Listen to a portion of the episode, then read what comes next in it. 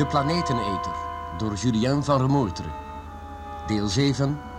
Beta op drift.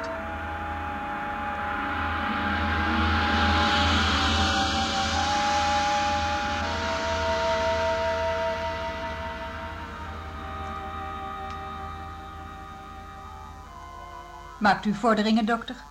Wel, ik geloof dat Erika helemaal loskomt. Ze heeft op een perfecte wijze over de catastrofe verteld. Greta, herinner jij je dat er in vroegere rapporten ooit sprake was dat de planeeteter vleugels bezat? Vleugels? Ja.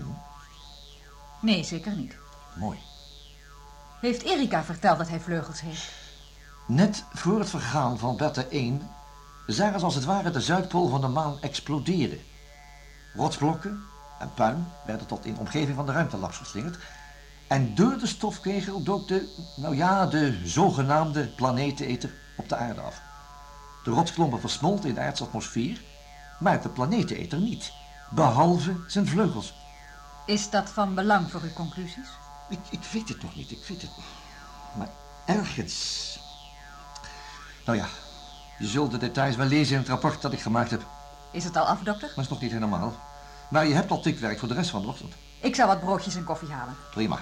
Dan kan ik gelijk de rest van het gesprek nog eens afluisteren en op papier zetten. In orde, dokter.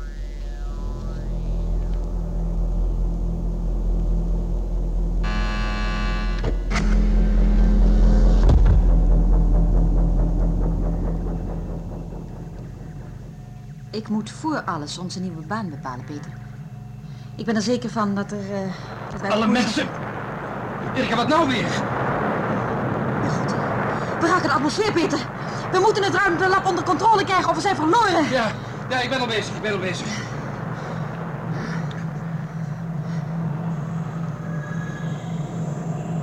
Mooi. De besturing laat het tenminste niet afweten. Waar ben jij mee bezig? Koersberekening. Ik vrees dat wij in een langgerekte elliptische baan zitten. En een perigeum dat de atmosfeer raakt. Kunnen wij daaruit? Ik hoop het. Zeg eens, weet je dat het hier 46 graden Celsius is? Geen wonder. Het gedeelte van het lab dat er even de atmosfeer raakte stond rood gloeiend. Nou, gelukkig wordt de hitte snel uitgestraald in de ruimte. Ja, maar we krijgen er toch een deel van binnen, hè? Zeg Peter, als wij niet uit onze baan kunnen, moeten we verhuizen naar de commandocapsule. Die heeft een hitteschild. En jij denkt dat wij het schild in een juiste hoek krijgen, zonder hulp van beneden? Nou, we kunnen toch tenminste proberen, of niet? Alles klaarmaken om de hoofdmotor te starten. Oké, captain.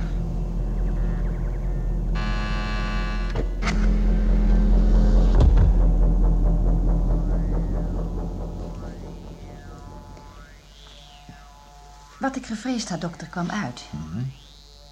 Het ruimtelab was door de maanexplosie volkomen op drift geraakt... en beschreef een nauwe ellipsvormige baan om de aarde. En het punt waar die ellipse dichtst bij de aarde kwam... het perigeum dus, bevond zich in de atmosfeer. Nou zat het zo dat bij elke omwenteling zouden we deze laatste raken. Onze baansnelheid zou enorm vertragen en na weinige tijd zou het onvermijdelijke gebeuren. Het verbranden van beta 2 in de atmosfeer. Je was toch van plan iets te doen met de hoofdmotor? Ja, dat lag voor de hand. Met een flinke raketstoot die onze snelheid verhoogde, konden wij namelijk uit die nauwe ellips komen. Juist, en dus vermijden dat de atmosfeer nogmaals werd geraakt. Precies, ja. Maar toen ik onze baan berekend had, stoten wij op een onoverkomelijke hinderpaal. De raketstoot zou op het moment gegeven moeten worden waarop wij midden in de rotsblokkenstroom zaten, die nog steeds tussen de maan en de aarde hing. Nou, en dat stond gelijk aan zelfmoord. Ja, nee. Hoe reageerde Peter op je conclusies?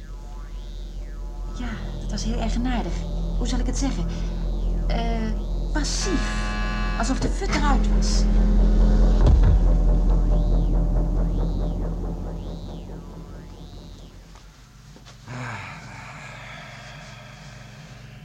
Nou, zo staan de zaken ervoor, Peter. Wat denk je? Wat zou ik denken? Helemaal niks. Of misschien dat het met ons gebeurd is. Oh, dat li- klinkt wel opwekkend, zeg. Weet je, Erika, ik heb het altijd geweten. Wat geweten? dat ik niet op de aarde zou doodgaan. Ja, luister eens, als jij het ook al opgeeft... dan is dit inderdaad het einde. Eh, oh, wat is hier gebeurd? Auw, mijn hoofd. Rustig maar, John. Eh, Je kunt echt beter blijven liggen. eh, ben je gek? We, we moeten ze waarschuwen. Wat bedoel je? God nog toe, heb je nou niet gezien hoe hij zich in de aarde boorde? Het moet kosten wat het kost vernietigd worden. Ja, ja, ja, ja, oké, oké. Maar hou je nu maar rustig, John. Het heeft helemaal niks te betekenen. Waarom is het hier zo verdomde heet? Het lab heeft de atmosfeer geraakt. Wat? En jullie zitten er zomaar rustig bij. Waar is het baanschema? Hier, hier. Maar, maar zou je nou Zijn jullie beter... gek geworden? Waar moeten deze baan uit? Je zegt het maar. John, luister. Ik heb de baan berekend. En ook wanneer we eruit kunnen komen. Maar dan zitten wij midden in de rotsblokkenkegel. Voor tien minuten ongeveer zullen wij die bereiken. Peter, vergeet het elektrische scherm niet. Je kan het beste nu al inschakelen. Hebben jullie Bertha hier nog opgemerkt? Nee, ik heb trouwens nog niet de gelegenheid gehad om te kijken. Uh, we zullen hem betaald zetten. Ik zal hem krijgen. Dat zweer ik. Peter, probeer de controle te bereiken. We moeten de aarde waarschuwen.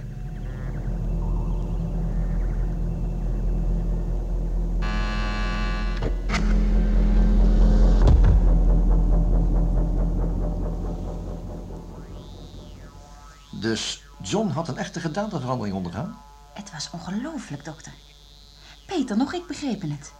Was het, als ik het zo uitdrukken mag, de normale John? Ik bedoel, zoals jullie hem voor die tijd kenden? Nee, hoegenaamd niet. Hij was eerder... eh, ja, hoe zou ik dat zeggen? Een, een, een bezetene. Misschien. Misschien is dit het juiste woord, ja. Hij was inderdaad bezeten door een ongelooflijke grote haat tegenover de planeteneter. Zolang wij nog aan boord waren van de Beta 2 bleef die haat nog binnen bepaalde perken. Maar later raakte John helemaal buiten zichzelf. Had of heb jij de indruk dat die haat voortsproot uit een, ja, een, laat ik zeggen, een zeker meeleven met het lot dat de aarde wachtte? Nee, dat geloof ik niet. Voor die tijd stond John slechts één doel voor ogen. Promotie maken. En wel zo vlug mogelijk. Het type dat zich doodwerkt, begrijpt u? Ja, ja, ja. Je werkte graag met hem, hè? Ja.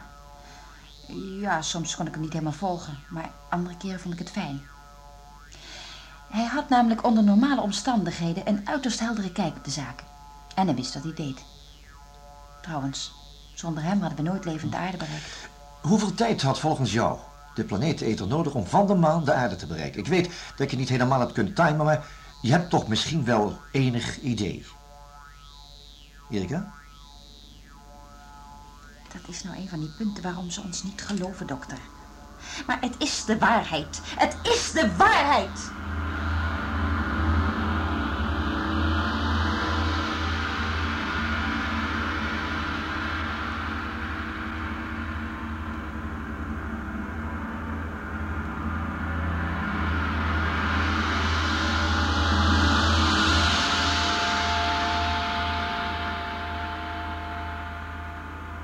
Jullie hebben geluisterd naar het zevende deel van de Planeteneter, Beta op drift, door Julien van Remoerter. Rolverdeling, Dr. Karel Kimbal, Jan Borkes. Greta, Barbara Hofman. Erika Blanker, Marijke Merkens. John Doorn, Hans Veerman. Peter Landsheer, Hans Karsenbarg. Technische realisatie Tom Prudon en Bram Hengeveld. Regie Bert Dijkstra.